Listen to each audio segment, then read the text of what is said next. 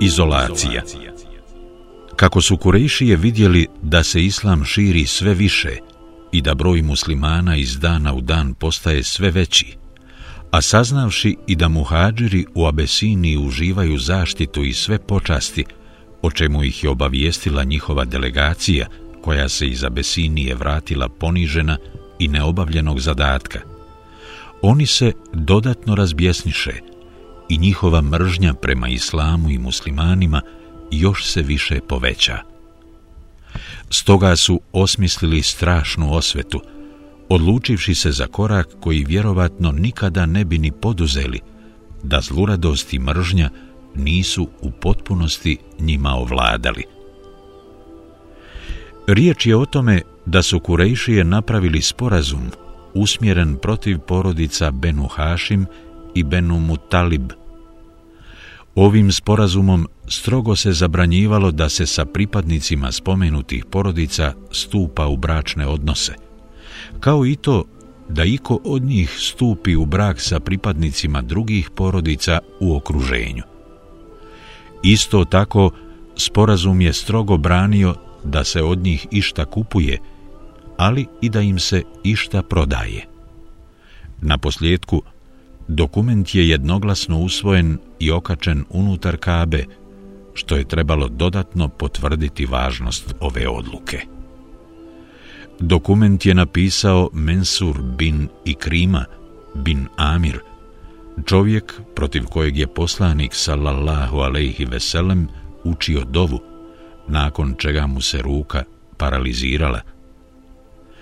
Kada su Kurejšije usvojili ovaj okrutni, nasilnički i diskriminirajući sporazum, porodice Benu Hašim i Benu Mutalib odseliše na Ebu Talibov posjed, te se svi oni, i muškarci, i žene i djeca, na njemu nastaniše. Ebu Talibov posjed bio je poznat po nazivu Šib, što znači planinski put, klanac, gudura, tjesnac, klisura, jaruga.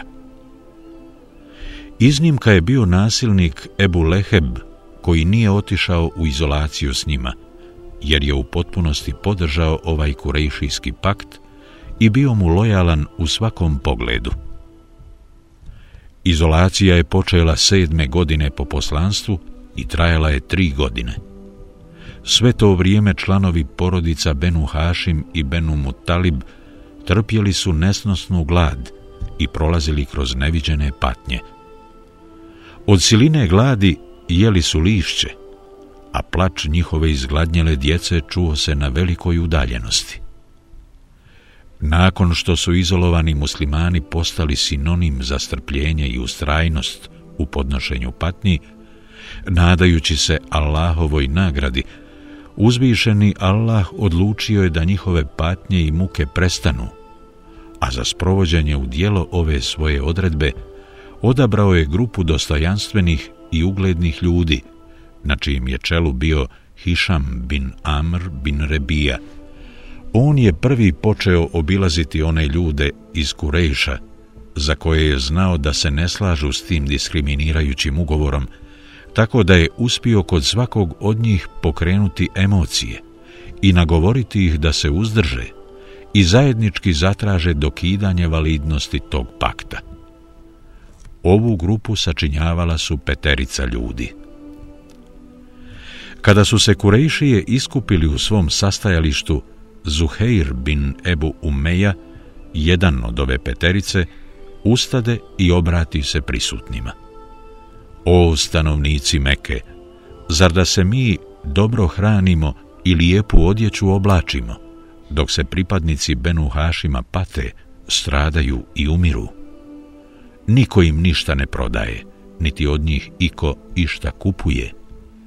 Tako mi Allaha, ni sjesti neću dok ovaj prokleti list papira ne bude pocijepan. Nakon njega ustade i drugi od peterice i ponovi ono što je rekao Zuheir.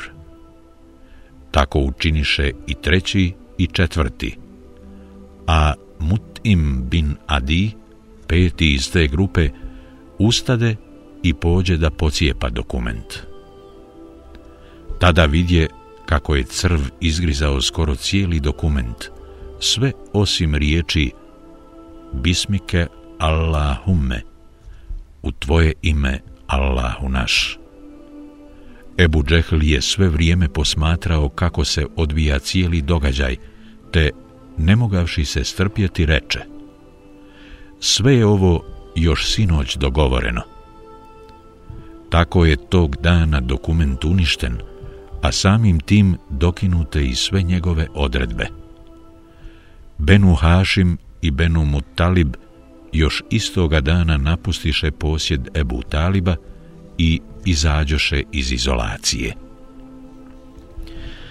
Jedan od jasnih znakova Muhammedovog sallallahu alejhi ve sellem vjerovjesništva jeste i činjenica da je on prije nego je iko znao za to obavijestio svoga amidžu Ebu Taliba da je crv uništio riječi zla i nasilja na dokumentu koji je sadržavao sporazum o izolaciji, a da je na njemu ostavio samo riječi Bismike Allahumme u tvoje ime Allahu naš, što je kasnije zbilja i otkriveno. Ukazujući na ovu činjenicu, Ebu Talib je kasnije korio i grdio neke od potpisnika tog sporazuma. A oni su pokunjenih glava čutali kao zaliveni. U vezi s ovim događajem Ebu Talib je u stihovima kazao U priči o Hartiji pouka se krije. Sve nam o njoj reče, a tamo bio nije. Kufr i zlo njihovo Allah sa nje odstrani, jer govorniku istine osvetu su željeli. Sve što oni rekoše, ništa im se pokaza. Ko zbori neistine, u lašce se ubraja.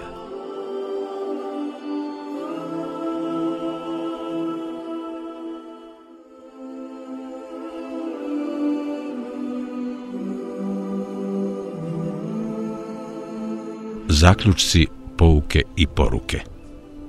Prvo, Kurejšije su dostigli sami vrhunac u nanošenju nepravde, tlačenju i ugnjetavanju muslimana, a najbolji pokazatelj toga jeste činjenica da su sklopili jedan potpuno neopravdan i diskriminirajući sporazum koji je svojim sadržajem rušio osnovne postulate morala, dostojanstva i ljudskosti općenito. Drugo, Kurejšijski nevjernici su Muhammeda sallallahu alaihi veselem i vjernike izložili velikim patnjama, torturi i tlačenju. Treće, vjernici su u ime uzvišenog Allaha sve patnje i torture podnosili strpljivo, pritome pokazujući nevjerovatnu postojanost i čvrstinu. Četvrto, plemenitih i časnih ljudi bit će u svakom vremenu i na svakom mjestu i uzvišenom Allahu hvala na tome. Peto. U jasne pokazatelje istinitosti Muhammedovog sallallahu alaihi veselem vjerovjesništva ubraja se i slučaj sa crvom koji je izgrizao čitav diskriminirajući dokument ne ostavivši na njemu ništa osim imena uzvišenog Allaha. O tome je poslanik sallallahu alejhi ve sellem obavijestio svoje drugove i prije nego su nevjernici skinuli taj dokument i uvjerili se da se uistinu tako desilo.